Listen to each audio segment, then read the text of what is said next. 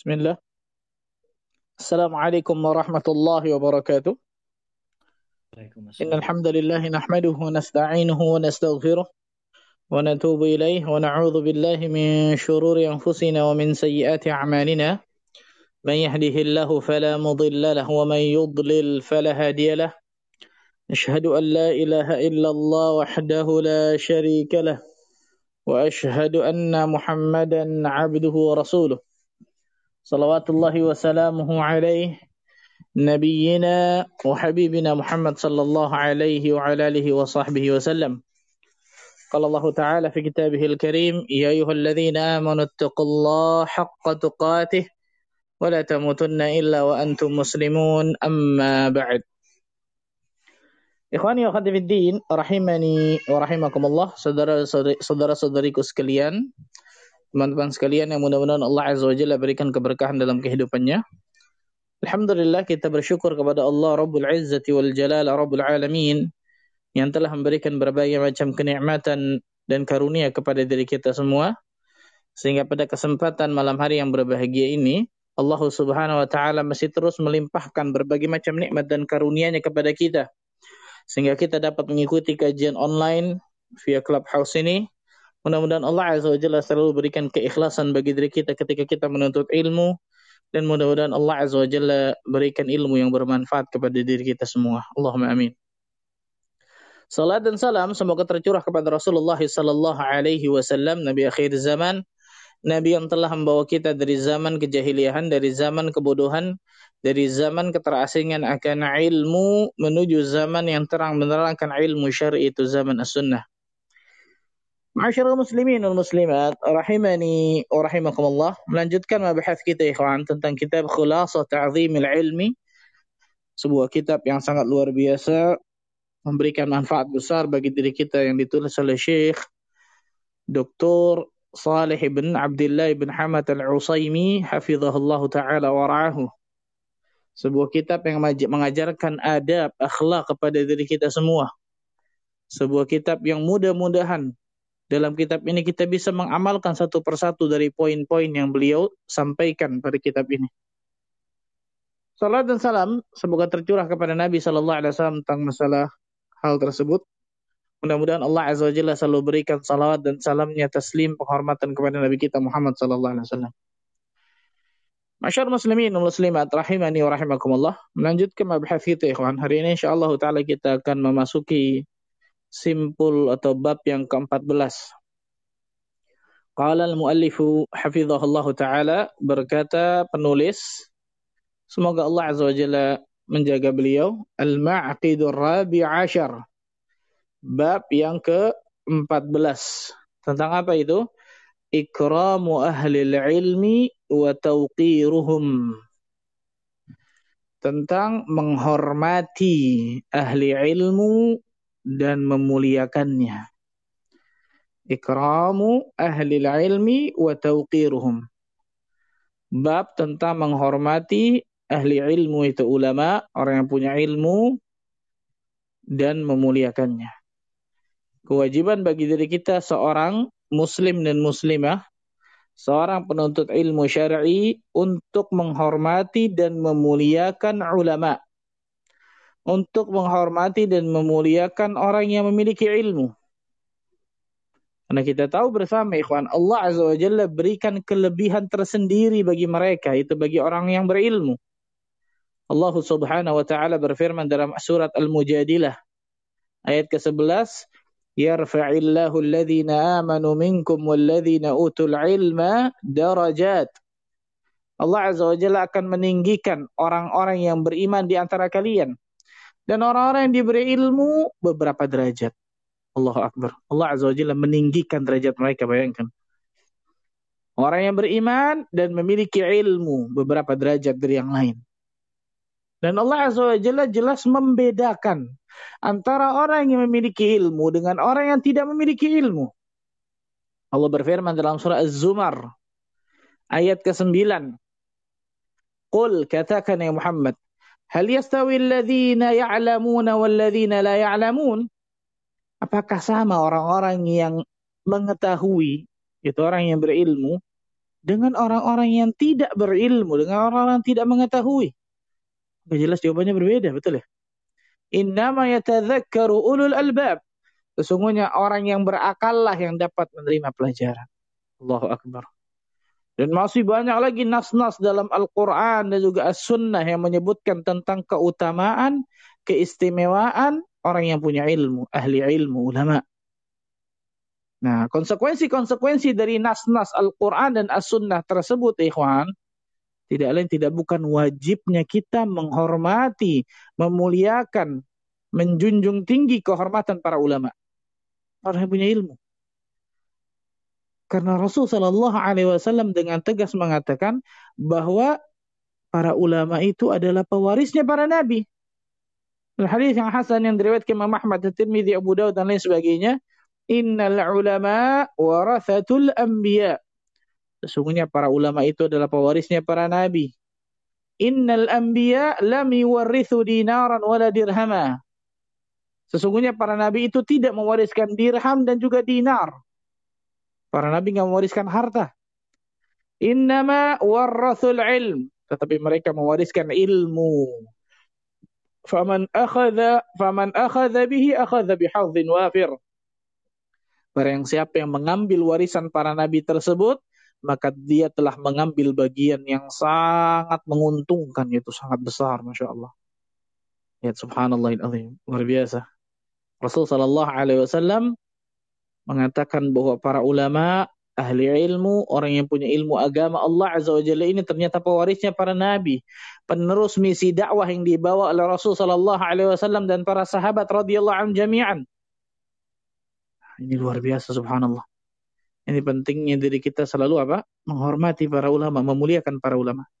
Bahkan Nabi Shallallahu Alaihi Wasallam bersabda dalam sebuah hadis yang sahih dari Imam Ahmad dalam musnadnya, laisa minna, bukan termasuk dari golongan kami. Hati-hati kalau kata-kata laisa minna, laisa minni, bukan termasuk golonganku, bukan termasuk golongan kami. Ini berarti kata para ulama, ini termasuk dosa besar berarti. Ini termasuk apa? Dosa besar. Bukan dari golongan kami. Siapa mereka? Man lam yarham saghirana. Orang-orang yang tidak menyayangi yang lebih muda, yang lebih kecil daripada kami wa yuqir kabirana dan orang-orang yang tidak menghormati orang yang lebih tua di antara kami, bukan dari golongan kami. Orang-orang yang tidak menyayangi orang yang lebih muda, lebih kecil daripada dari, daripada kami dan orang-orang yang tidak menghormati orang yang lebih tua di antara kami. Wa ya'mur bil ma'ruf wa yanha 'anil munkar. Tidak menyuruh untuk berbuat yang ma'ruf dan tidak mencegah dari perbuatan yang mungkar. Wa ya'rifu li'ulama'ina haqqahu serta tidak mengenal hak para ulama dari kami. Allah Akbar. Serta mereka tidak nih syahid bahasan kita di ujung nih, ikhwan. Bukan dari golongan kami di antaranya apa? Orang yang tidak mengenal hak-hak ulama di antara kami. Dia nggak tahu hak ulama itu seperti apa. Apa saja yang harus dia lakukan untuk menghormati para ulama, memuliakan para ulama. Allah Akbar. Allah Akbar, subhanallah. Ternyata menghormati, memuliakan, membesarkan, menghargai para ulama itu termasuk bagian dari sunnah. Bagian dari ajaran Rasulullah sallallahu alaihi wasallam. Seorang ulama yang bernama Tawus bin Kaisan rahimahullahu taala berkata, Tawus bin Kaisan. Beliau mengatakan apa? Menghormati empat orang ini termasuk sunnah kata beliau. Menghormati empat orang ini nih, ini termasuk sunnah. Siapa saja itu? Yang pertama al-ulama, para ulama, orang yang punya ilmu. Yang kedua adalah al-kabir, al-syaikh, yaitu orang orang tua. Orang tua kita, kita wajib untuk menghormati mereka, memuliakan mereka. Kemudian yang ketiga apa? Yang ketiga adalah penguasa atau waliul amr, penguasa, pemerintah, waliul amr. Hmm. Ini yang ketiga. Kemudian yang keempat disebutkan oleh beliau adalah orang yang tua juga subhanallah. Di sini disebutkan orang yang tua subhanallah. Nanti kita nanti kita sebut nanti kita cari yang keempat apa ini subhanallah. Kelengkap lihat tadi. Ala kulli hal itu disebutkan oleh Taus bin Kaisan. Dan memang itu di antara apa? di antara kewajiban kita seorang penuntut ilmu syar'i, seorang muslim dan muslimah. Bahkan dalam riwayat Abu Musa al-Asy'ari radhiyallahu anhu, Rasul sallallahu alaihi wasallam tegas mengatakan, "Inna min ijlalillahi ta'ala ikrama dzisyaibah." Termasuk mengagungkan Allah Subhanahu wa taala ketika menghormati muslim yang sudah tua. Dia menghormati apa? Ikramu dzisyaibatil muslim. Dia menghormati seorang muslim yang sudah tua. Wa hamilil Qur'an Kemudian yang kedua apa? Para penghafal Al-Quran, para pembawa Al-Quran, ikhwan. Penghafal Al-Quran, sahibul Quran. Ghairal ghali fihi wala jaf. Tidak berlebihan padanya dan juga tidak kurang. Tidak berlebihan padanya dan juga tidak apa? Tidak kurang. Wa ikramu dhis al-muqsit. Dan menghormati pemerintah yang adil disebutkan oleh Nabi Shallallahu Alaihi Wasallam hadis ini subhanallah. Nah ini baru sedikit dari sekian banyak dalil-dalil yang menyebutkan tentang kewajiban kita untuk selalu memuliakan dan menghormati para para ulama. Karena ketika kita tidak menghormati dan tidak memuliakan para ulama, naudzubillah min dzalik, berbagai keburukan, berbagai musibah, berbagai kehinaan akan Allah Azza Jalla timpakan kepada diri kita ternyata subhanallah. Walaupun jelas ketika menghormati, memuliakan, membesarkan para ulama di situ tidak boleh gulu. Tidak boleh melampaui batas. Nah, tidak boleh melampaui batas dalam mencintai mereka, menghormati mereka. Sehingga apa pun yang datang dari mereka itu pasti semuanya benar. Nah, ini nggak boleh. Ini taklidul a'ma kata para ulama. Taklid buta kan gitu. Bahkan perkara-perkara yang mungkar mungkin kita tahu dengan jelas itu perkara mungkar kemudian kita tidak mengingkarinya. Nah, ini nggak boleh, subhanallah. Jadi intinya menghormati, memuliakan ulama sesuai dengan kedudukannya dan tidak apa? Tidak hulu, tidak berlebih-lebihan. Dan juga tidak kurang jelas, subhanallah.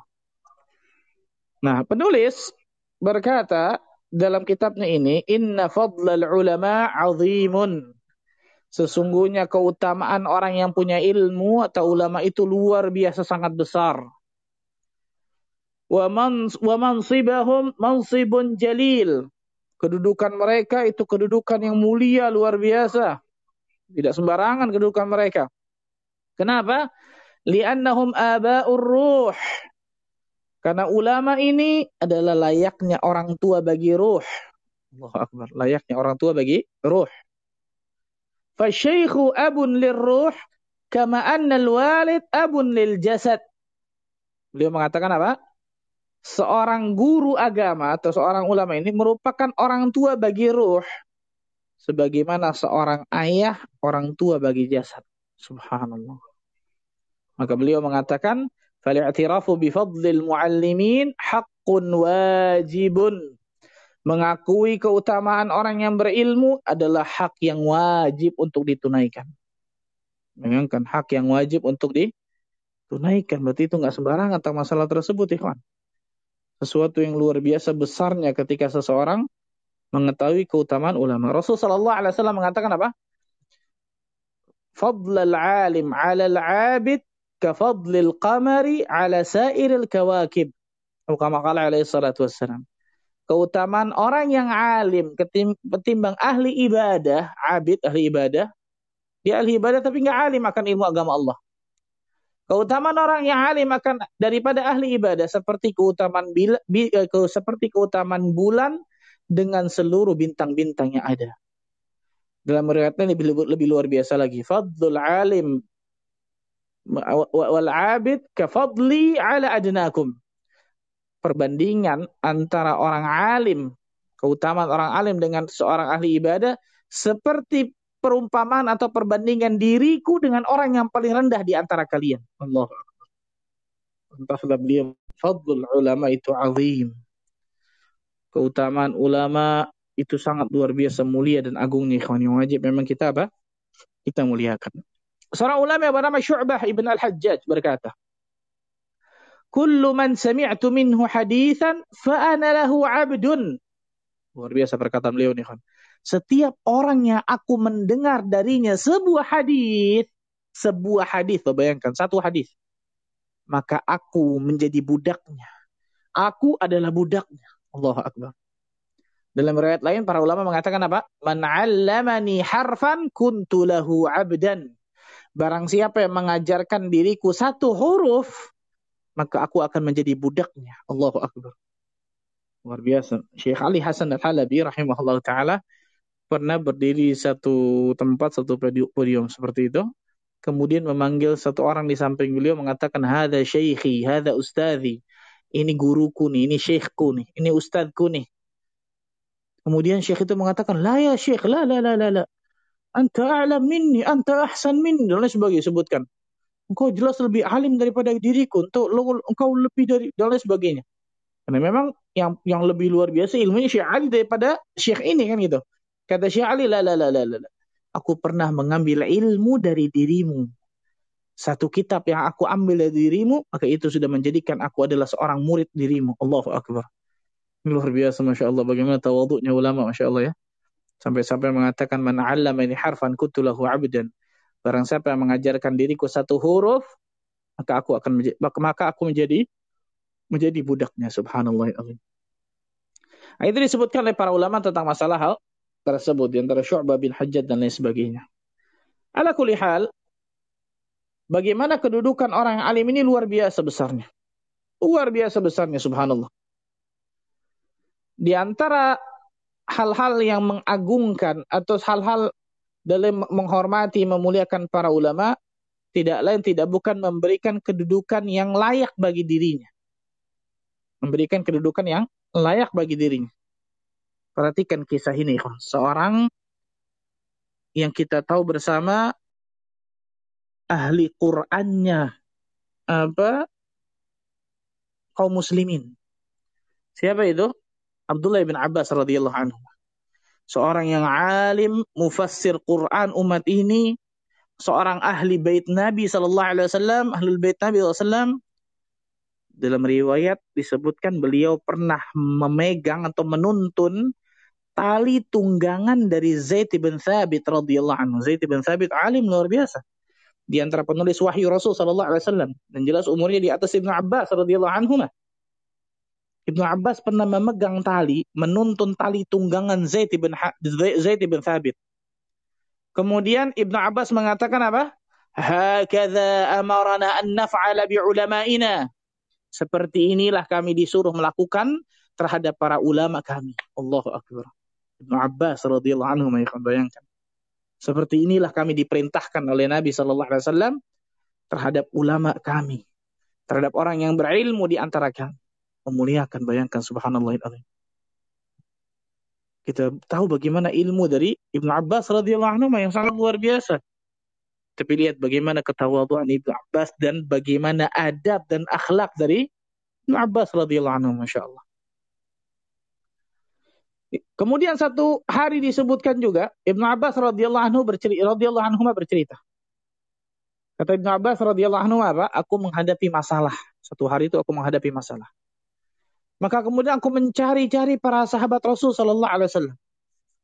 Sungguh aku mendatangi seorang laki-laki karena suatu hadis Nabi Sallallahu Alaihi Wasallam yang sampai berita kepada aku bahwa ia pernah mendengarnya langsung dari Nabi Sallallahu Alaihi Wasallam. Ternyata ketika aku menjumpai sahabat tersebut tuh sudah berjalan jauh, masya Allah disebutkan. Ketika aku menemukannya dia sedang kailulah, sedang tidur siang. Maka kata Ibn Abbas apa? Aku memegang selendangku di depan pintu rumahnya. Angin bertiup di wajahku sampai ia keluar. Ya, sabarnya luar biasa seorang penuntut ilmu nih. Allah Akbar. Ketika ia keluar, maka sahabat tersebut kenal sama Ibn Abbas, betul ya? Wahai anak paman Rasul Sallallahu Alaihi Wasallam, sepupu Rasulullah SAW, betul ya? Ada apa dengan dirimu? Subhanallah, kok tiba-tiba engkau ada di depan rumahku nih? Maka Ibn Abbas mengatakan apa? Sampai berita kepadaku bahwa sesungguhnya engkau menyampaikan hadis dari Nabi Shallallahu Alaihi Wasallam. Maka aku ingin mendengar langsung dari dirimu agar sanatnya lebih tinggi kan? Maka orang itu mengatakan, wahai Ibn Abbas radhiyallahu anhu, kenapa engkau tidak mengutus seorang kepadaku hingga aku bisa datang kepadamu? Coba untuk bayangkan hebatnya sahabat ya kan. Bukan ketika Ibn Abbas naikkan, oh ente datang ke sini, iya benar ente pantas memang datang ke sini. Enggak. Orang itu kemudian mengatakan, sahabat itu mengatakan apa? Kenapa engkau nggak utus seorang kepada diriku sehingga aku bisa datang kepadamu? Lihat satu tawaduk, satu satu tawaduk juga luar biasa, masya Allah. Maka Ibn Abbas luar biasa lagi tawaduknya. Aku lebih pantas untuk datang kepada dirimu, hai Syekh. Allah Akbar. Lihat ini ini akhlakul ulama, ikhwan. Ini adabul ulama. Bagaimana menghormati seorang ulama yang dicontohkan pula oleh seorang apa? Seorang ulama tentang masalah ini. Kalau kita baca bagaimana para ulama menghormati para ulama lainnya luar biasa, menghormati gurunya luar biasa subhanallah. Abdurrahman bin Harmalah al-Aslami berkata, "Ma kana insanun yajtari yajtari'u ala Sa'id Sa'id bin Musayyib yas'aluhu an syai' hatta yasta'dhinahu kama yasta'dhin al-amir." Tidaklah seseorang berani bertanya kepada Sa'id bin Musayyib. Sa'id bin Musayyib ini di antara tujuh fuqaha Madinah nih, kawan. Tabi'in, ma'ruf luar biasa, seorang yang luar biasa solehnya, alimnya. Tidaklah seseorang berani bertanya kepada Sa'id bin Musayyib sampai dia meminta izin. Layaknya meminta izin kepada seorang raja. Allah Akbar. Layaknya meminta izin kepada seorang apa? Raja. Tapi sekarang banyak kaum muslimin manusia yang meminta izin yang meminta izin kepada seorang raja ternyata bukan kepada seorang ulama, bukan kepada seorang yang berilmu tapi kepada siapa? Orang yang punya harta biasanya. Betul nggak? Betul ini. Kalau orang punya harta oh, seakan-akan luar biasa diagungkan. Orang yang punya, punya ilmu agama, ya ya bagus bagus. Ya saja subhanallah. Ini salah nih kawan subhanallah ini. Atau orang yang punya jabatan tinggi luar biasa, salah.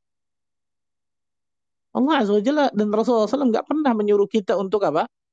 Untuk mendekat mereka mendekat kepada orang yang kaya atau orang yang punya apa? jabatan lain sebagainya. Yang diperintahkan malah kepada Abu Dhar al-Ghifari untuk dekat dan selalu membantu orang miskin, subhanallah. Nanti kita kebalik ini, subhanallah. Ulama lain yang bernama Rabi' bin Sulaiman. Rabi' bin Sulaiman. Beliau mengatakan apa? Beliau mengatakan ma wallahi ijtarat ma, ma wallahi ijtaratu an ashrab al-ma' wa syafi'i yanzuru ilayya haibatan lahu. Luar biasa Masya Allah sampai seperti ini beliau memikirkan. Demi Allah kata Rabi' bin Sulaiman aku tidak berani meminum air dalam keadaan Imam Syafi'i melihatku. Kenapa? Haibatan lahu kan aku segan kepadanya. Minum air bayangkan ikhwan minum air. Allah Akbar subhanallah. Bagaimana mereka luar biasa ya. Sampai terfikir seperti itu subhanallah. Umar bin Khattab radhiyallahu anhu dalam dalam riwayat Imam Al-Baihaqi dalam Syu'abul Iman mengatakan tawadhu'u liman ta'allamuna minhu. Tawadhu'lah kalian terhadap orang yang mengajari kalian. Tawadhu'lah kalian kepada orang-orang yang telah mengajari apa? Kalian. Makanya guru-guru itu Allah Akbar. Kenikmatan besar tuh Ivan. Kenikmatan besar ketika kita mempunyai guru, kita kita bisa memuliakan mereka dan lain sebagainya. Itu kenikmatan luar biasa Masya Allah. Karena itu dari turun temurun itu. Dari zaman dulu para salaf, mereka memuliakan dan menghormati para ulama, guru-guru mereka itu luar biasa Masya Allah. Al-Imam Asy-Syafi'i berkata, lihat Imam Syafi'i di antara guru siapa Imam Malik rahimahullah taala di antara guru beliau. Imam mengatakan apa? Kuntu asfahul waraqah baina yadayya Malik safhan rafiqan. Allahu akbar. Dulu kata Imam Syafi'i rahimahullah taala, aku membolak-balikan kertas di hadap di depan Imam Malik rahimahullah taala safhan rafi, rafiqan dengan sangat lembut. Jadi benar-benar apa? Dia membolak-balikan kertasnya pelan-pelan lembut subhanallah. Kenapa? Haibatan lahu karena segan kepadanya. Lialla yasma'u waraq wa waqa'aha. Supaya dia tidak mendengarnya. Balikin kertas buku dalam buku. Bayangkan ikhwan. Imam Syafi'i rahimahullah taala lihat. Allahu akbar luar biasa. Allahu akbar. Masya Allah tabarakallah. Abu Ubaid Al-Qasim bin Salam. Abu Ubaid Al-Qasim bin Salam berkata apa? Aku tidak pernah sekalipun mengetuk pintu rumah seorang dari guruku. Allah Akbar. Ini kita berat luar biasa betul ya. Itu rumah rumah guru kita digedor-gedor. Lo perlu nanya sama Ustadz jam 2 malam, jam 12 malam, luar biasa. Aku tidak pernah sekalipun mengetuk pintu rumah seorang dari guruku. Kenapa? Karena Allah Azza wa Jalla berfirman dalam surah Al-Hujurat ayat kelima, "Walau annahum sabaru hatta takhruja ilaihim lakana khairan lahum. Wallahu ghafur rahim." Kalau sekiranya mereka bersabar sampai kalian keluar menemui mereka, itu lebih baik untuknya. Allah. Lihat. Bagaimana adab dan akhlak yang sangat luar biasa dari para ulama salaf. Pantaslah mereka mendapatkan ilmu yang luar biasa. Pantaslah mereka mendapatkan ilmu yang apa? Yang luar biasa. Karena adab dan akhlak mereka yang luar biasa. Dan itu disebutkan oleh para ulama tentang masalah hal tersebut. Ikhwani wa din, rahimani wa rahimakumullah. Seorang ulama yang bernama Muhammad bin Ali Al-Udfuni. Muhammad ibn Ali Al-Udfuwi, afan.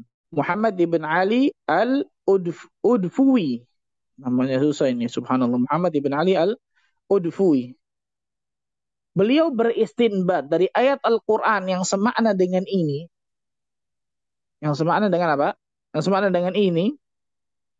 Beliau mengatakan idza ta'allama al-insan min al-alim wastafada minhu al-fawaid fahuwa lahu 'abdun. Beliau mengatakan apa? Apabila seseorang itu belajar kepada seorang guru kemudian mendapatkan faedah dari pelajarannya. Kan biasa guru menyebutkan faedahnya ini, faedahnya ini, faedah dari hadis ini ini, faedah dari ayat ini ini kan gitu ya, faedah dari cerita ini ini. Didapatkan faedah itu dari gurunya, maka dia layaknya budaknya. Karena Allah Azza wa Jalla berfirman di dalam surah Al-Kahfi surah 18 ayat ke-60 Wa idza qala Musa li fatahu ila akhir ayat tatkala Nabi Musa berkata kepada budaknya Allahu akbar Maksud budak di sini dalam ayat ini maksudnya apa? Nabi Yusha bin Nun. Nabi Yusha bin bin Nun yang menarik adalah Allah Azza wa membahasakan Nabi Nabi, Nabi Yusha bin Nun ini nih, apa? budaknya subhanallah. Kenapa? Karena Nabi Yusha bin Nun belajar kepada Nabi Musa alaihissalam. Di mana hakikatnya Nabi Musa atau Nabi Yusha bin Nun itu bukan budak dari Nabi Musa, tidak. Tapi seorang apa? Penuntut ilmu kan gitu. Seorang pelajar yang belajar kepada Nabi Musa alaihissalam. Allahu Akbar. Nah, ini syariat kita ya, memerintahkan untuk apa? Memenuhi hak para ulama, menghormatinya, memuliakannya. Dan bukan berarti orang yang alim juga, orang yang ulama ketika dihormati, dimuliakan, kemudian jadi ujub, jadi kiber. Nah, ini tidak.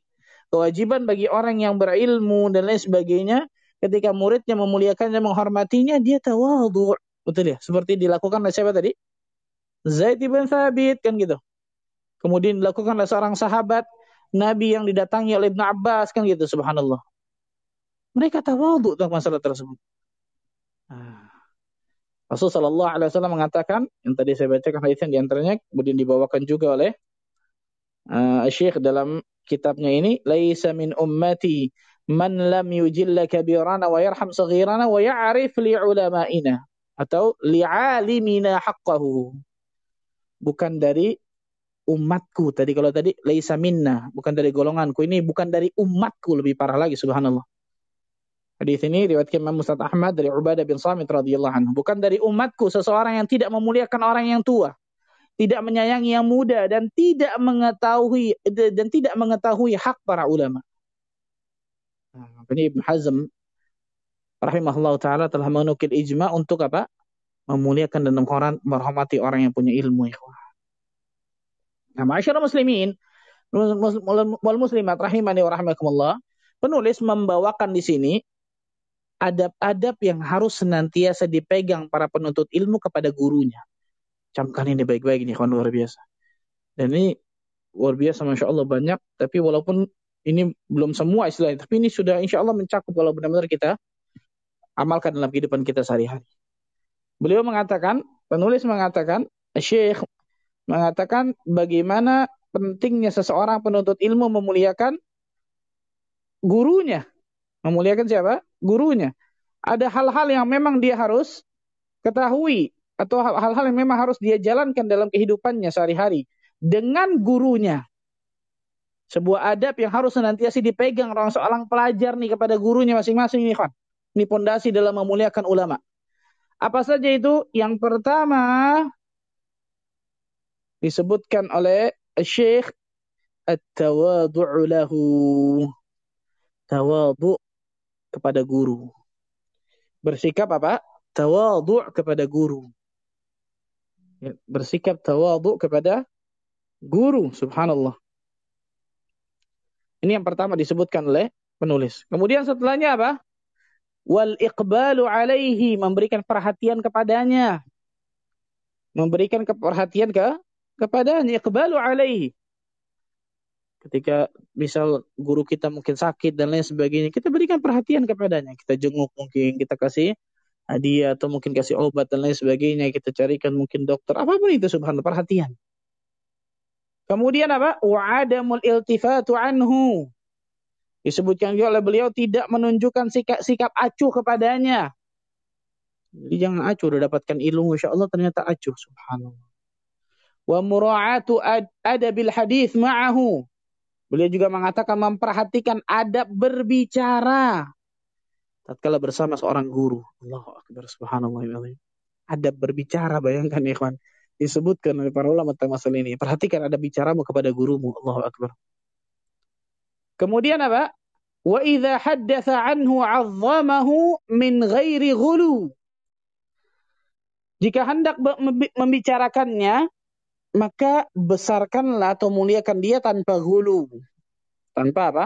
Tanpa hulu, tanpa tanpa berlebihan. Jika kita ingin membicarakannya, Masya Allah, orang ini orang yang luar biasa berilmu dan lain sebagainya. Tapi tanpa apa? Tanpa hulu, tanpa berlebihan. Nah banyak orang yang hulu kepada gurunya menyebabkan ujung-ujungnya ternyata tidak baik. Berapa banyak orang yang ta'asubil madhab contohnya. Fanatik kepada madhab luar biasa.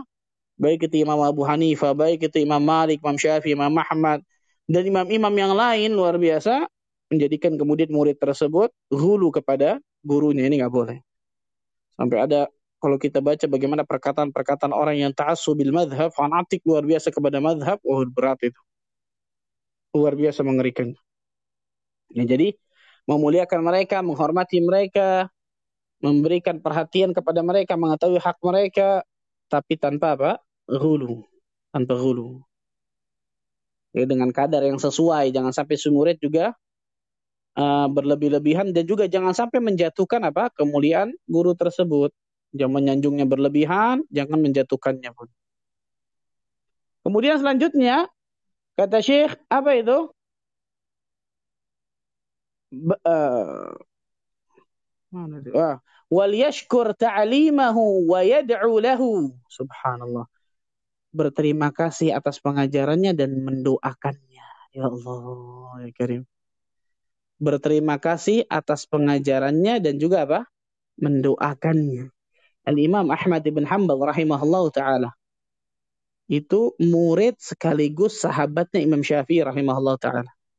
Murid sekaligus sahabat Imam Syafi'i Imam Ahmad bin Hanbal. Apa kata Imam Ahmad bin Hanbal? Aku selalu mendoakan Syafi'i dalam salat malamku selama 30 tahun lamanya. Salat malam 30 tahun doakan gurunya. Allah antum bayangkan luar biasa. Kenapa beliau menyebutkan? Karena Imam Syafi'i rahimahullah ta'ala bagi umat ini bagaikan matahari bagi bumi dan bagaikan kesehatan bagi tubuh. Pantas ilmu-ilmu mereka luar biasa berkahnya, ikhwan ya. Bagaimana mereka berterima kasih, bagaimana mereka apa membalas budi baik gurunya. Lihat, mendoakan gurunya di tengah malam, di sepertiga malam ketika sholat tahajud, 30 tahun namanya, bayangkan terima kasih kepadanya, mendoakannya. Dan mau kita berterima kasih seperti apa pun, guru kita yang mengajar kita, mengajarkan kita tentang al-haq, kebenaran, mengajarkan kita tentang sunnah Nabi Shallallahu Alaihi Wasallam, mengajarkan kita tentang agama, itu luar biasa. Nggak akan pernah kita bisa membalas kebaikan-kebaikan mereka, ya kawan. Doakan kebaikan sebanyak-banyaknya. Doakan kebaikan sebanyak-banyaknya. Bukan kemudian malah gurunya pula di ditahdir kan gitu. Ya. Gurunya pula kena sama dia dari gibahnya dan lain sebagainya. La ilaha illallah. Gimana Allah Azza Jalla akan memberikan keberkahan bagi ilmunya kalau seperti ini. Nah. Kemudian Syekh juga mengatakan apa? Wala yudhiril istighna anhu. Dan jangan menampakkan bahwa kita sudah nggak butuh lagi sama guru kita tersebut. Jangan subhanallah. Walaupun mungkin, mungkin nih ternyata suatu hari ternyata muridnya ini lebih alim daripada gurunya. Maka jangan pernah menunjukkan sikap sudah tidak butuh lagi kepada guru kita tersebut. Bayangkan. Sampai seperti itu ulama menjelaskan insya Allah. Kemudian juga disebutkan apa? Wala yu'dhihi biqaulin aw fi'lin. Dan jangan mengganggunya dengan ucapan dan juga perbuatan kita. Wal yatalattaf fi tanbihi ala khata'ihi idza waqa'at minhu zallah. Dan bersikap lembut. Nah, penting nih, kawan. Garis bawah yang terakhir nih, kawan bersikap lembut ketika mengingatkan atas kesalahannya jika memang ada kekeliruan atau ketergelinciran pada guru kita tersebut. Guru kita manusia, betul ya? Guru kita manusia. Ulama manusia. Wajib kita hormati, wajib kita muliakan. Ketika mereka ada salah, ya manusia mereka. Bahkan para ulama mengatakan tidak ada satupun ulama yang nggak ada salahnya. Tidak ada. Pasti yang namanya ulama, sepintar apa pun, sehebat apa pun, ada salahnya di situ. Dan ini di antara kata para ulama apa? Hikmah tersendiri Allah Azza wa Jalla jadikan bahwa sealim-alimnya seseorang, sepintar-pintarnya seorang ulama, pasti ada tergelincirnya. Pasti ada kesalahannya. Maksudnya apa? Di antara hikmahnya tidak ada satupun perkataan yang bisa kita ambil seluruhnya dari A sampai Z, dari alif sampai ya, kecuali Rasulullah Sallallahu Alaihi Wasallam. Allahu Akbar. Nah, Nah, beliau menyebutkan secara terperinci, ikhwan, bayangkan loh. Beliau menyebutkan secara terperinci tentang apa? Walaupun tidak terperinci banget ya, tapi benar-benar dijabarkan satu, dua, tiga, empat, lima, enam. Bagaimana cara mengoreksi kekeliruan guru? Ada enam perkara yang beliau sebutkan. Allahu Akbar. Bagaimana mengoreksi ke kekeliruan apa? Guru kalau ternyata kita tahu guru kita ini salah atau tergelincir dalam satu kesalahan subhanallah. Disebutkan oleh penulis tentang masalah ini subhanallah. Beliau mengatakan wa mimma tunasibul isyara ilaihi huna wajiz ma'rifatul wajib iza azallatil alim wa huwa sittatu umur. Beliau mengatakan dan sekarang merupakan tempat yang tepat untuk menyebutkan secara ringkas dalam apa mengetahui bagaimana sih cara mengoreksi kekeliruan guru. Kekeliruan apa? Guru. Ada enam hal kata beliau. Yang pertama, at-tathabbut fi suduri zallati minhu. Tathabbut dulu nih. Maksudnya apa? Cek cek dulu nih. Cek dulu kebenarannya. Pastikan dulu apakah memang betul sang guru itu terjatuh dalam kekeliruan. Ini yang pertama. Tathabbut dulu tuh cek dan pastikan terlebih dahulu apa memang betul guru tersebut atau guru kita tersebut terjatuh dalam apa?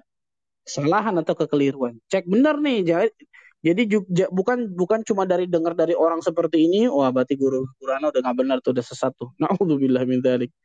Cek dulu kebenarannya. Jangan main telan bulat-bulat aja subhanallah betul ya. Pastikan dulu benar-benar benar nggak guru kita memang mengatakan seperti itu atau berbuat seperti itu yang ternyata itu sebuah kekeliruan, kesalahan. Yang pertama. Hmm. Yang kedua, ikhwan, ketika sudah ditasabut nih, sudah dicek, dipastikan perkara tersebut benar-benar ada, dan guru kita memang terjatuh dalam kekeliruan terse tersebut, nah, hendaklah apa?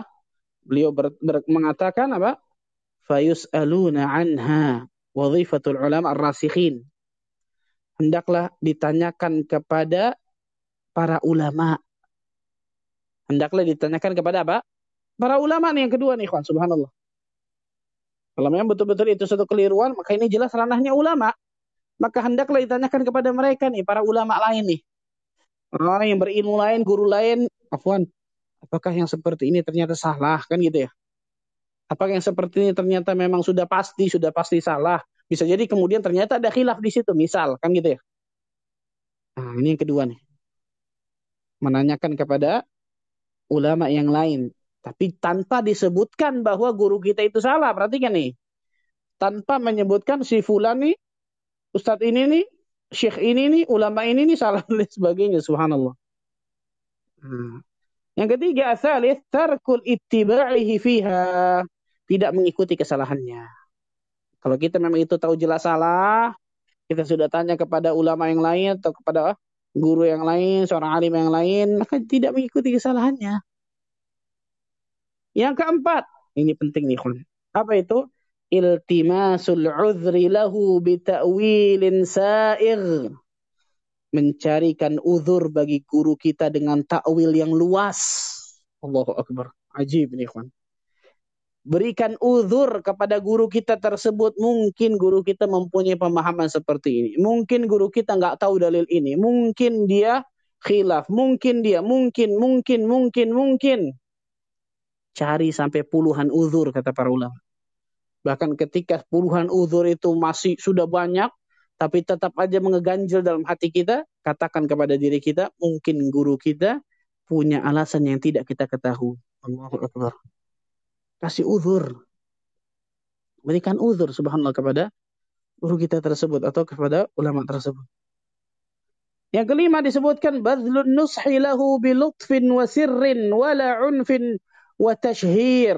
Kalau bisa yang kelima nih mengerahkan usaha untuk bisa menasehatinya secara lembut, kemudian dengan sir, sembunyi-sembunyi, bukan dengan sikap yang keras, apalagi kemudian terang-terangan di hadapan manusia. Na'udzubillah min dzalik. Lima Syafi'i rahimahullah taala mengatakan apa? Kalau ada orang menasehatiku di depan orang lain itu bukan menasehati namanya, tapi itu mempermalukan diriku. Tapi ada orang yang menasihati diriku secara sir rahasia dengan akhlakul karimah, dengan lemah lembut, itu baru sebuah nasihat yang benar. Imam Syafi'i mengatakan seperti itu, bayangkan. Allah Akbar. Kalau kita bisa, coba ngomong berdua dari hati ke hati gitu loh. dengan adab dengan akhlak. Mudah-mudahan Allah azza wajalla berikan terbuka hati guru kita tersebut untuk menerima kebenaran dari kita atau dari siapa pun subhanallah. Nah keenam yang terakhir apa? Asadis hifzu janabihi fala tuhdaru karamatuhu fi qulubil muslimin. Jaga kehormatannya. Jangan dijatuhkan jangan dihancurkan kehormatan kehormatan guru kita tuh jaga kehormatannya jangan menghancurkan kedudukan beliau di tengah kaum muslimin padahal ternyata mungkin sudah tertanam di hati-hati kaum muslimin cinta kepada guru kita tersebut ada kesalahan satu dua yang manusia subhanallah ini deh Manusiawi subhanallah. Doakan guru kita tersebut mudah-mudahan Allah Azza Jalla berikan hidayah untuk kepada apa uh, mengetahui ke, ke, ke, kesalahan tersebut, sadar akan kesalahan tersebut, merubahnya dan lain sebagainya. Nah, ini di antara yang harus di apa? Peringatkan bagi para penuntut ilmu ketika memuliakan para ulama. Hal-hal yang luar biasa ternyata jarang kita kita apa kita perhatikan tentang masalah ini padahal ini ternyata sesuatu yang luar biasa besarnya sesuatu yang luar biasa besarnya dalam Sahih Bukhari disebutkan dari dari sahabat Abu Sa'id Al-Khudri radhiyallahu anhu disebutkan di antara contoh-contoh penghormatan kepada seorang guru nih kan saya belum sebutkan semua tadi itu Abu Sa'id Al-Khudri mengatakan apa? Kunna julusan fil masjid. Idh kharaja Rasulullah sallallahu alaihi wasallam fa jalasa ilaina faka'anna ala ru'usina tayr la yatakallamu ahadun minna. Saat kami sedang duduk-duduk di masjid, maka keluarlah Rasul sallallahu alaihi wasallam, kemudian duduk di hadapan kami. Maka seakan-akan di atas kepala kami tersebut terdapat seekor burung. Bayangkan. Ah, bergerak berarti kalau bergerak terbang burungnya, betul ya? Tidak ada satupun dari kami yang berbicara. Allahu Akbar. Tidak ada satupun dari kami yang ternyata apa? Berbicara. Ini disebutkan oleh Abu Sa'id al-Khudri tentang masalah ini. Bayangkan luar biasa, Masya Allah. Dan ketika kita di hadapan guru tersebut, maka perhatikan adab-adab kita, subhanallah. Syekh Bakar Abu Zaid, rahimahullah ta'ala, dalam kitabnya Hilya Talibil Ilm, menyebutkan tuh ikhwan, secara lengkap luar biasa. Bagaimana adab ketika di depan guru kita dan lain sebagainya bahkan cara duduknya, pakaiannya dan lain sebagainya itu diatur bayangkan dalam Islam hebat luar biasa masya Allah. Begitu juga Ibnul Jamaah menyebutkan dalam kitabnya Tadhiratus Sami' menuntut ilmu itu harus duduk rapi, tenang, tawadu. Tertuju kepada gurunya, tidak membentangkan kaki ke depan, tidak bersandar, dan lain sebagainya, subhanallah. Ada berbicara macam-macam, subhanallah. Nah ini dijelaskan tentang masalah ini luar biasa. Secara lengkap oleh para ulama tentang masalah ini. Maka mudah-mudahan diri kita bisa termasuk golongan hamba-hamba Allah yang selalu Allah berikan hidayah taufik untuk menghormati guru kita, memuliakannya, mencintai mereka, sehingga kita bisa termasuk golongan hamba-hamba Allah yang mendapatkan ilmu yang berkah, Masya Allah, dari adab kita yang baik. Allah alam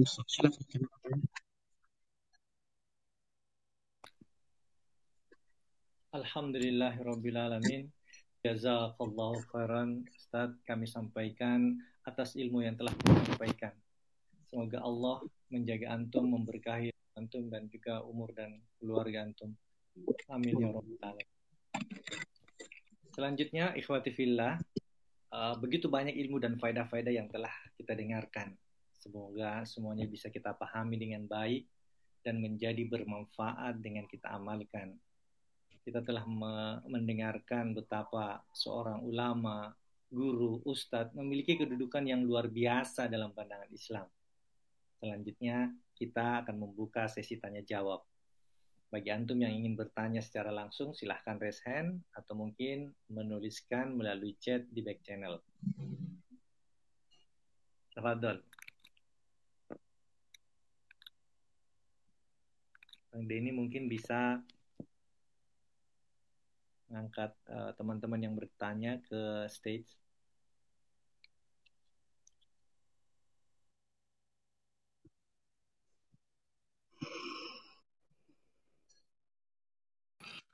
Bismillah. Ya, uh, sudah ana angkat nih dua penanya dari kelas Pertanyaan pertama dari Akhir Muhammad Ikhwan, Tafadol. Assalamualaikum warahmatullahi wabarakatuh Ustadz Ahmad. Bekhair Ustadz. Waalaikumsalam warahmatullahi wabarakatuh. Ahlan wa sahlan Masya Allah Kaya halak? Sehat khair? Alhamdulillah. Kang Sirun Afwan Kang Sirun. Sehat Kang Sirun? Alhamdulillah. Sehat Kang. Tafadal Masya Allah Am Ustadz. Ini nih Ustadz Menghadapi fenomena Ikhwan-ikhwan kibar nih Ustadz Masya Allah nih Ustadz Ikhwan gimana ada lagi Masya Allah. misalnya nih Ustaz, Ana nih kenal manhaj salaf dari Ustadz Sirun nih misalnya. Dengan berjalannya waktu, uh, Bismillah Allah tambahin pengetahuan Ana tentang manhaj salaf dan Ustadz-Ustadz siapa yang bisa diambil. Yang pada dasarnya pintu itu dibuka oleh Ustadz Sirun misalnya. Nah, hmm. setelah pernah duduk di majelis antum anak kenal lagi tuh ikhwan-ikhwan kibar yang udah banyak ilmunya itu nasehatin aja jangan lagi antum duduk di tempatnya Ustadz Sirun tuh katanya kan nanti hmm. dia begini dan begitu tuh bukan Ustadz Salafi gitu bagaimana hmm. Ustadz Ana harus menasehati teman-teman Ana yang terkena nasihat dengan ikhwan-ikhwan kibar yang model kayak gitu tuh Ustadz bahwasanya mungkin itu adalah metodenya Ustadz Sirun untuk memudahkan mengenalkan manhajus salaf kepada orang-orang yang baru hijrah gitu Ustadz. Mohon nasihat hmm. antum Ustadz. Jazakallah khair.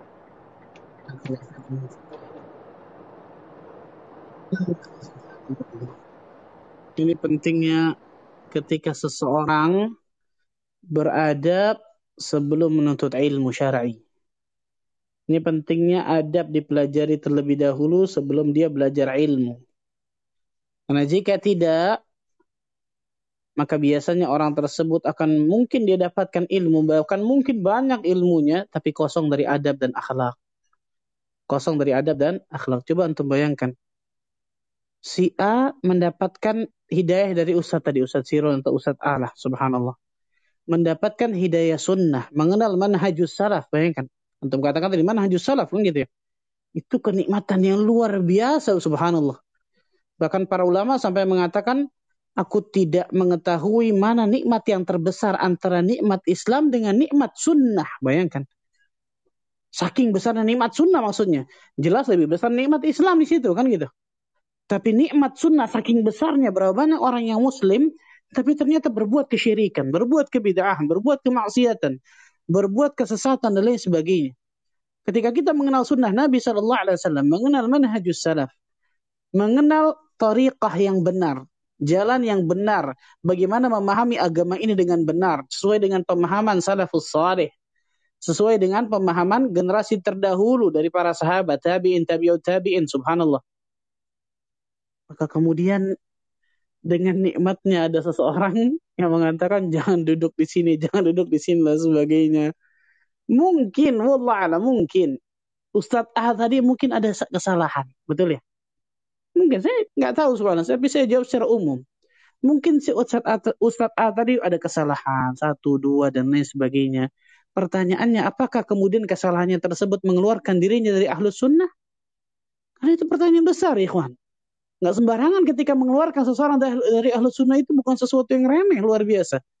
Apalagi kemudian dia mengatakan ini bukan Ustadz sunnah, ini bukan Ustadz. Padahal ternyata mungkin dia mengajarkan sunnah. Padahal mungkin kemudian dia apa? Bermanhaj dengan manhaj yang hak, yang benar. Tapi mungkin salah dalam satu dua hal. Mungkin salah dalam ketika mungkin berdakwah, menjawab, dan lain sebagainya. Ikhwan, subhanallah. Kewajiban kita seorang penuntut ilmu ini belajar. Belajar, berilmu. Kemudian mengamalkan ilmu yang telah kita ketahui Jangan menyibukkan diri dengan hal-hal ranah di mana ranah tersebut kalau kita masuk fitnah semua isinya. Jangan ikhwan. Ada nanti salafi jihadi, salafi ini, salafi ini, salafi. Apa ini subhanallahiladzim. Manhaj salafi ya satu subhanallah kan gitu. Orang tersebut dikatakan salafi walaupun dia tidak menisbatkan dirinya seorang salafi ketika dia menjalankan Al-Quran dan As-Sunnah dengan pemahaman para sahabat. Dengan pemahaman salafus salih. Dia dikatakan salafi, seorang muslim. Kan gitu. Dan orang tersebut tidak dikatakan salafi walaupun dia menisbatkan dirinya, saya salafi ini dan lain sebagainya. Ketika memang apa? Ternyata dia tidak menjalankan Al-Quran dan As-Sunnah ala fahmi salaf dalam kehidupannya. Jadi bukan hanya sekedar klaim, bukan hanya sekedar kemudian pengakuan dan lain sebagainya. Ilmu dan amal. Sibukkan diri kita dengan itu, ikhwan ilmu dan amal, ilmu dan amal, ilmu dan amal. Kecuali memang kita tahu dengan jelas. Ustaz tersebut mungkin dulunya Masya Allah Alhamdulillah. Ternyata sekarang benar-benar luar biasa menyimpangnya jauh. Sudah dinasehati dan lain sebagainya macam-macam. Kemudian apa? Tetap mem membangkang, membelot dan lain sebagainya dan jelas kesalahannya kesalahan masalah usul tentang masalah tersebut yang bisa mengeluarkan seorang dari ahlu sunnah maka itu lain cerita. Dan itu pun bukan kita yang mentahdirnya. Bukan kita yang memperingatinya, tapi orang yang berilmu pula. Kan gitu. Maka perhatikan, saya ingatkan kepada semua ikhwan. Dan kepada diri saya juga subhanallah. Sibukkan diri kita dengan ilmu dan amal. Sibukkan diri kita dengan ilmu dan amal. Karena dengan ilmu dan amal tersebutlah insya Allah Ta'ala Allah Azza wa Jalla akan berikan kehidupan yang bahagia, yang hakiki dunia dan akhirat bagi diri kita semua. Dan berdoa kepada Allah agar Allah jauhkan diri kita dari berbagai macam fitnah di atas muka bumi ini. Allah alam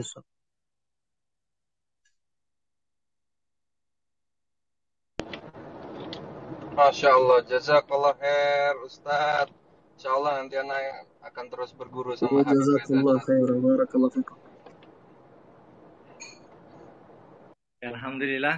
Uh, sebelum kita melanjutkan, saya ingin sedikit meluruskan ikhwati fillah. Jadi apa yang tadi dikatakan oleh Bang Taufik tentang Ustadz Sirun, nah itu hanya sekedar sampel ya. Jadi beliau ini sangat mengenal anak, anak seorang di atas sunnah ini baru mu'alaf nih. Beliau tahu kalau anak ini bukan aliran sesat nih Ustaz. Jadi saya putuskan jangan sampai ada yang mengira anak beneran Ustaz nih Masya Allah.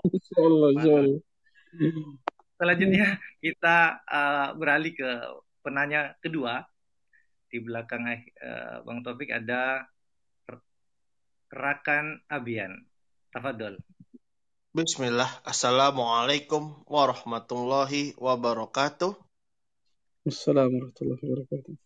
Ahlan uh, Bang Denny, Bang Rama, Bang Zul, dan juga Ustadz uh, Bazir Hafizahullah. Ahlan juga, ahlan juga Bang Sirun.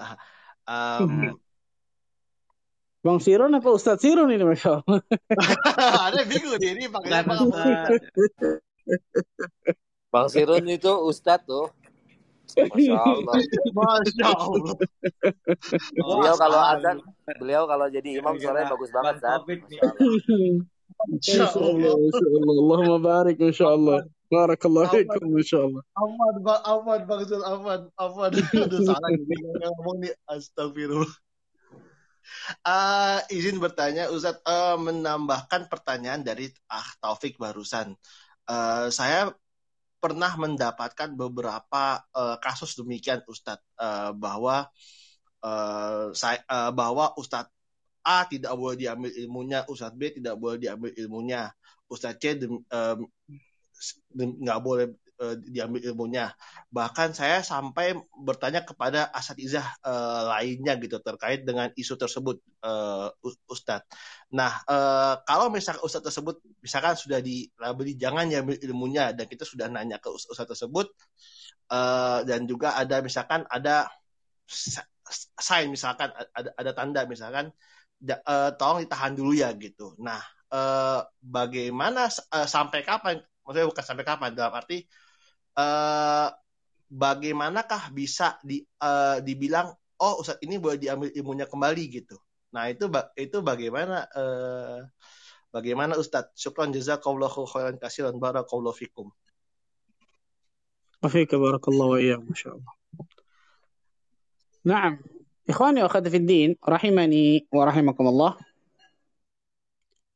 Yang bisa menilai tukang jahit ini luar biasa bagusnya dan lain sebagainya tidak lain tidak bukan adalah tukang jahit pula, betul ya?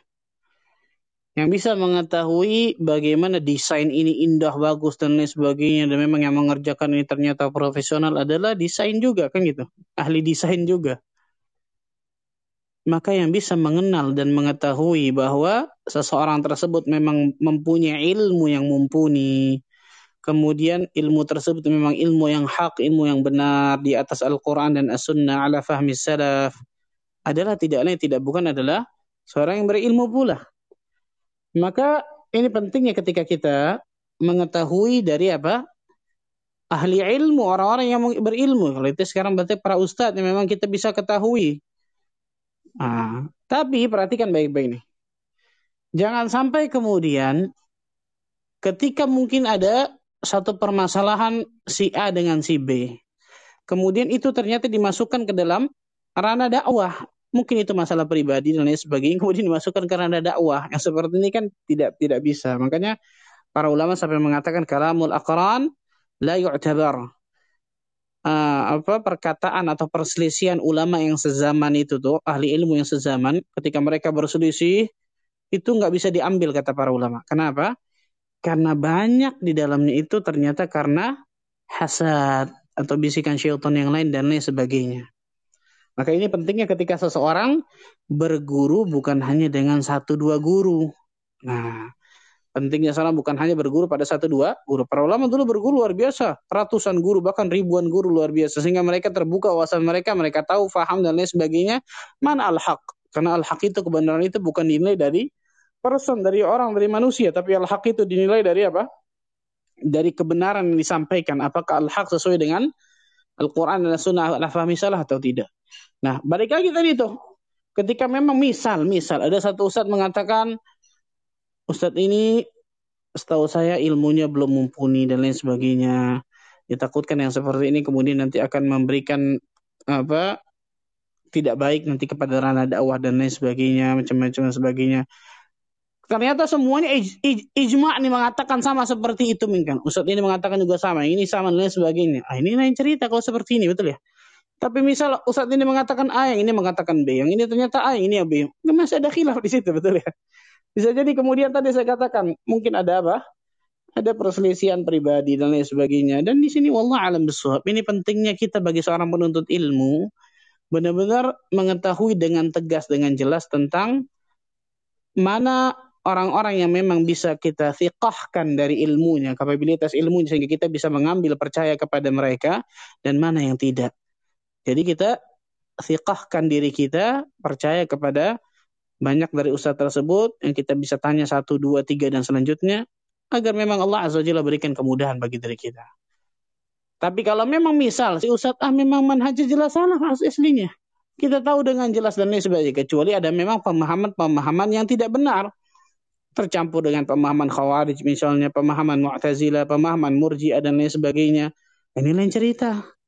Tapi kalau ternyata mungkin karena satu dua hal yang dan lain sebagainya, maka yang seperti ini jangan. Yang seperti ini hati-hati subhanallah. Dan saya wasiatkan kepada diri saya, nasihatkan diri saya dan untuk semua yang saya katakan tadi, ikhwan. Sibukkan diri kita dengan ilmu dan amal. Yang ilmu dan amal tersebut sesuai dengan sunnah Nabi Shallallahu Alaihi Wasallam sesuai dengan pemahaman para salafus saleh terdahulu. Allah alam Syukran jazakallahu khairan Ustaz. Alhamdulillah terjawab Ustaz. Barakallahu fikum. Fika barakallahu. Selanjutnya apakah ada pertanyaan yang resen apa eh, teman-teman yang resen lagi? Itu Atau tadi dari Ahrama ada ada dari Ahrama ada pertanyaan tertulis Bang Sirun. Oke. Saya coba baca ya, Ustaz. Assalamualaikum warahmatullahi wabarakatuh. Semoga Ustadz dan kita semua selalu dilindungi Allah, diberikan kesehatan dan kemudahan dalam menuntut ilmu sunnah. Allahumma amin. Izin bertanya Ustadz, uh, apa, apa tapi sepertinya ini keluar dari sedikit keluar dari konteks ya dari tema kita pada malam hari ini. Apakah benar penyakit ain bisa berasal dari keturunan seseorang yang pernah mengamalkan ilmu perdukunan? Dan apakah sholawat Jibril ada tuntunannya di dalam syariat Islam? Apakah boleh di, diamalkan? Jazakallah khairan atas jawaban Ustaz. Barakallahu fikum. Apakah benar tadi apa ain? Apakah benar tadi apa ain? Ain bisa berasal dari keturunan seseorang yang pernah mengamalkan ilmu perdukunan, Ustaz. Jadi mungkin nah. orang tuanya atau kakeknya nah. pernah mengamalkan ilmu perdukunan. Nah, Allah alam setahu setahu saya dari ilmu yang saya pelajari dari pembacaan para ulama dan lain sebagainya. Yang namanya ain itu bukan dari situ. Tapi ain itu antara Tapi dua bisa dikatakan. Yang pertama karena hasad. Hati yang dipenuhi dengan hasad. Kemudian keluar dari mata tersebut tuh. Jadi al ain aina hak kata Nabi. Sesungguhnya ain itu adalah hak. ain itu adalah hak. Dari hasad. Ya, hati-hati ketika hati tersebut dipenuhi dengan hasad ini luar biasa berbahayanya. Kemudian yang kedua, bisa jadi tidak hasad orang tersebut hatinya bagus, nggak hasad, nggak dipenuhi dengan hasad, tapi takjub. Nah, contohnya dari sahab, hadis dari sahabat Sahal bin Hunayf tuh, betul ya? Sahabat dari Sahal bin Hunayf. Nah, kemudian ketika melihat badan dari sahabat tersebut mengatakan, aku tidak pernah melihat badan seindah ini, sebagus ini. Detik itu kemudian langsung apa? Lumpuh. Kita tahu bersama para sahabat, luar biasa hati mereka bersihnya dari berbagai macam penyakit hati. Tapi pada saat itu Sahal bin Hunayf kaget, eh, takjub dengan apa? Dengan badan sahabat lainnya tersebut yang menjadikan diri kemudian memuji sahabat tersebut tanpa kemudian mendoakan keberkahan. Tanpa kemudian memuji Allah tabaraka wa taala. Mendoakan keberkahan Allahumma barik alaih. Allahumma barik lahu. Barakallahu fiik. Atau sebagian ulama juga membolehkan Masya Allah la quwata illa billah. Masya Allah, tabarakallah, dan lain sebagainya. Saya tahu saya, wallah alam dari ilmu sedikit yang saya ketahui, yang namanya ain biasa dari dua hal ini, dari hasad atau dari takjub. Allah alam bisawab. Kemudian yang kedua tentang masalah salawat Jibril dan lain sebagainya. Salawat yang diajarkan Nabi Wasallam kepada umatnya hanya satu, namanya salawat Ibrahimiyah. Dengan delapan bentuk lafaz yang berbeda. Tapi delapan bentuk lafaz itu semuanya salawat Ibrahimiyah. Hanya itu, tidak ada yang lain. Yang lain salawat fatih, salawat situdura, salawat nariyah, salawat jibril, salawat ini dan itu, itu semua buatan manusia. Maka cukupkanlah diri kita dari apa yang datang dari Nabi Shallallahu Alaihi Wasallam. Wallahu a'lam Barakallahu fiikum. Barakallahu Selanjutnya ada penanya berikutnya. Saudara Fano, sekian persen, silakan. Assalamualaikum warahmatullahi wabarakatuh, Ustadz Ahmad, Ustadz Sirun. Semoga uh, Allah selalu memberikan hidayah agama ini, Islam dan Sunnah kepada Ustadz Sirun dan Ustadz Ahmad dan teman-teman sekalian. Ustadz izin bertanya, uh, jika kita misalnya banyak bertanya kepada salah satu Ustadz gitu ya, misalnya uh, bingung dikit nanya gitu, bingung dikit nanya, itu apakah termasuk yang tidak beradab Ustadz? Mungkin itu aja Ustadz, uh, jazakallah khairan. Assalamualaikum warahmatullahi wabarakatuh. Naam, Allah Azza Jalla berfirman, "Fas'alu ahla dzikri in kuntum la ta'lamun." Tanyalah kepada ahlu dzikr, itu ahlul ilm, orang yang berilmu jika kalian tidak mengetahuinya. Maka insya Allah Ta'ala dibolehkan ketika seseorang tidak tahu dan dia bertanya kepada seorang ustadz. Mungkin dia mungkin baru belajar dan lain sebagainya. Tapi di sini ada adab-adab ketika bertanya. Nanti di bab ini nanti ada kita akan sebutkan, kita akan bahas khusus tentang masalah adab dalam bertanya kepada orang yang berilmu, apa adabnya saja dan lain sebagainya. Agar kita tahu ketika kita bertanya apa saja adab-adab yang harus kita apa? kerjakan atau kita jalani agar kita termasuk golongan hamba-hamba Allah yang beradab kepada guru kita. Tapi secara umum insya Allah insya Allah taala jelas dibolehkan. Karena obat dari al-jahil, obat dari kebodohan itu adalah bertanya. Wallah alam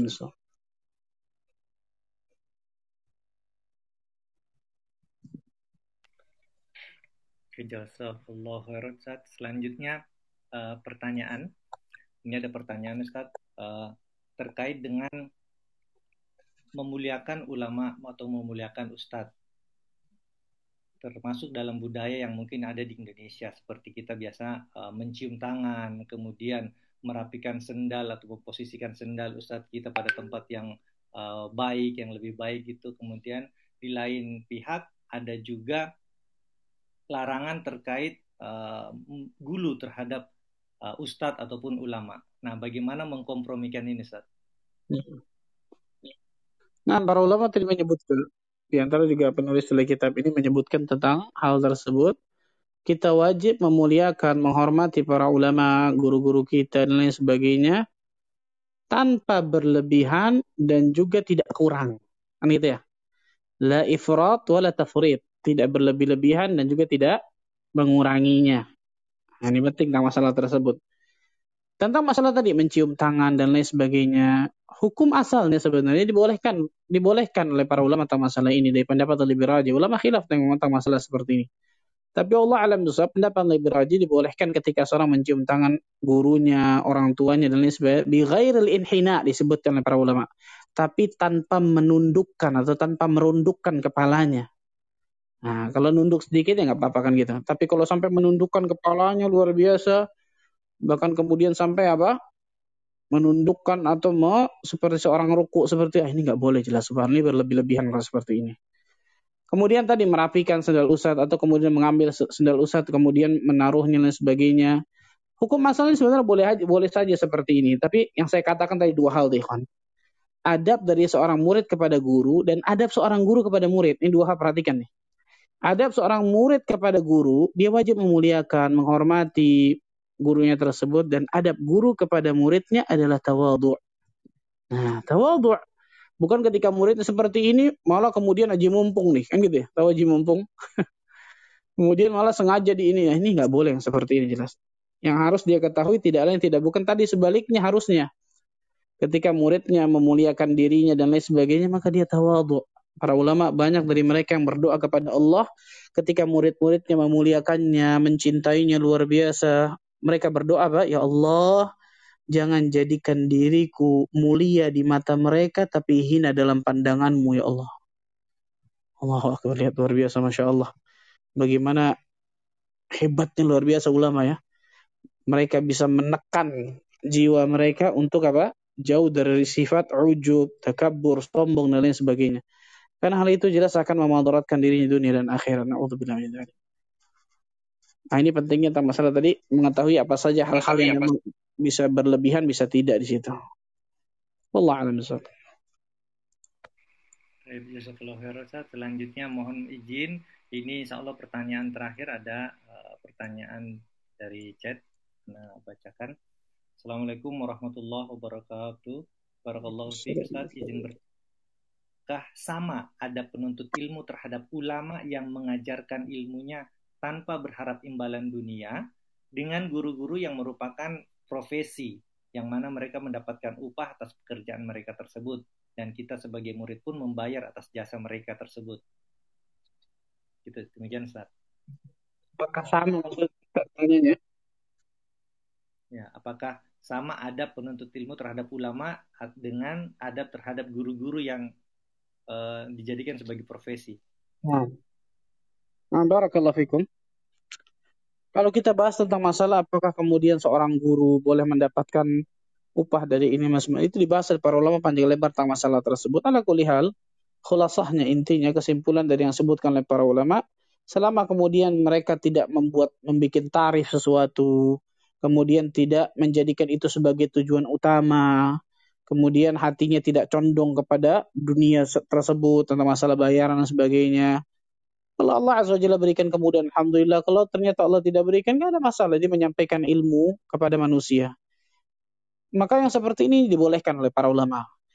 Tapi memang subhanallah, ketika seorang da'i mempunyai satu penghasilan yang penghasilan tersebut memang bukan dari karena dakwah dan itu memang lebih aziz kata para ulama. Itu lebih apa? Lebih aziz, lebih menjaga kehormatan dirinya, lebih menjaga haibahnya dan lain sebagainya. Itu kenikmatan luar biasa besarnya. Tapi kemudian apakah sama? Maka jawabannya jelas sama, ikhwan. Jawabannya jelas sama. Kalau kita mau kemudian katakan, oh Ustadz yang menerima bayaran tersebut nggak ikhlas Dari mana kita bisa mengetahui orang itu ikhlas atau tidak? Apakah kita buka dadanya? Apakah kita buka hatinya dan lain sebagainya? Berapa banyak seorang ustadz, seorang guru, seorang syekh, seorang ulama yang mengajarkan dan pada hakikatnya dia nggak mau menerima, subhanallah. Tapi kemudian muridnya memaksa dan lain sebagainya. Ataupun apa dan lain sebagainya. Ini nggak sembarangan tentang masalah tersebut. Jadi jangan kemudian menjas langsung ketika seorang guru tersebut, seorang ustadz, seorang ulama, seorang syekh ketika mengajar kemudian menerima upah, bayaran apa pun dan sebagainya, yang namanya itu, maka berarti dia nggak ikhlas dan lain sebagainya. Nggak bisa kita kemudian langsung menjas seperti itu. Nah, itu disebutkan oleh para ulama tentang masalah tersebut. Maka jelas insya Allah Ta'ala adabnya sama. Selama dia mengajarkan al-haq kebenaran kepada kita, kebaikan kepada kita, Al-Quran dan Sunnah la fahmi salaf, maka wajib kita beradab dengan adab yang baik, memuliakannya, menghormatinya, dengan apa memberikan haknya tanpa berlebihan. Wallah alam bisawab. Barakallahu fikum. Nah, ikhwani wa fiddin, rahimani wa rahimakumullah. Kita hidup di atas muka bumi ini pasti ingin mendapatkan keberkahan pasti ingin mendapatkan kesuksesan, kebahagiaan.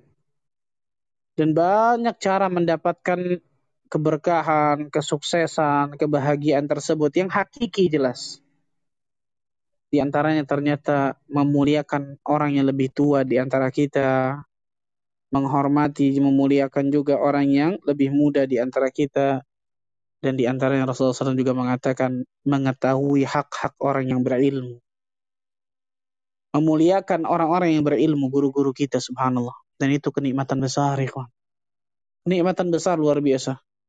Ketika Allah Azza wa Jalla berikan kepada diri kita guru-guru yang mengajarkan kepada kita Al-Quran dan As-Sunnah dengan pemahaman yang benar, Allahu Akbar, kenikmatan besar, ikhwan.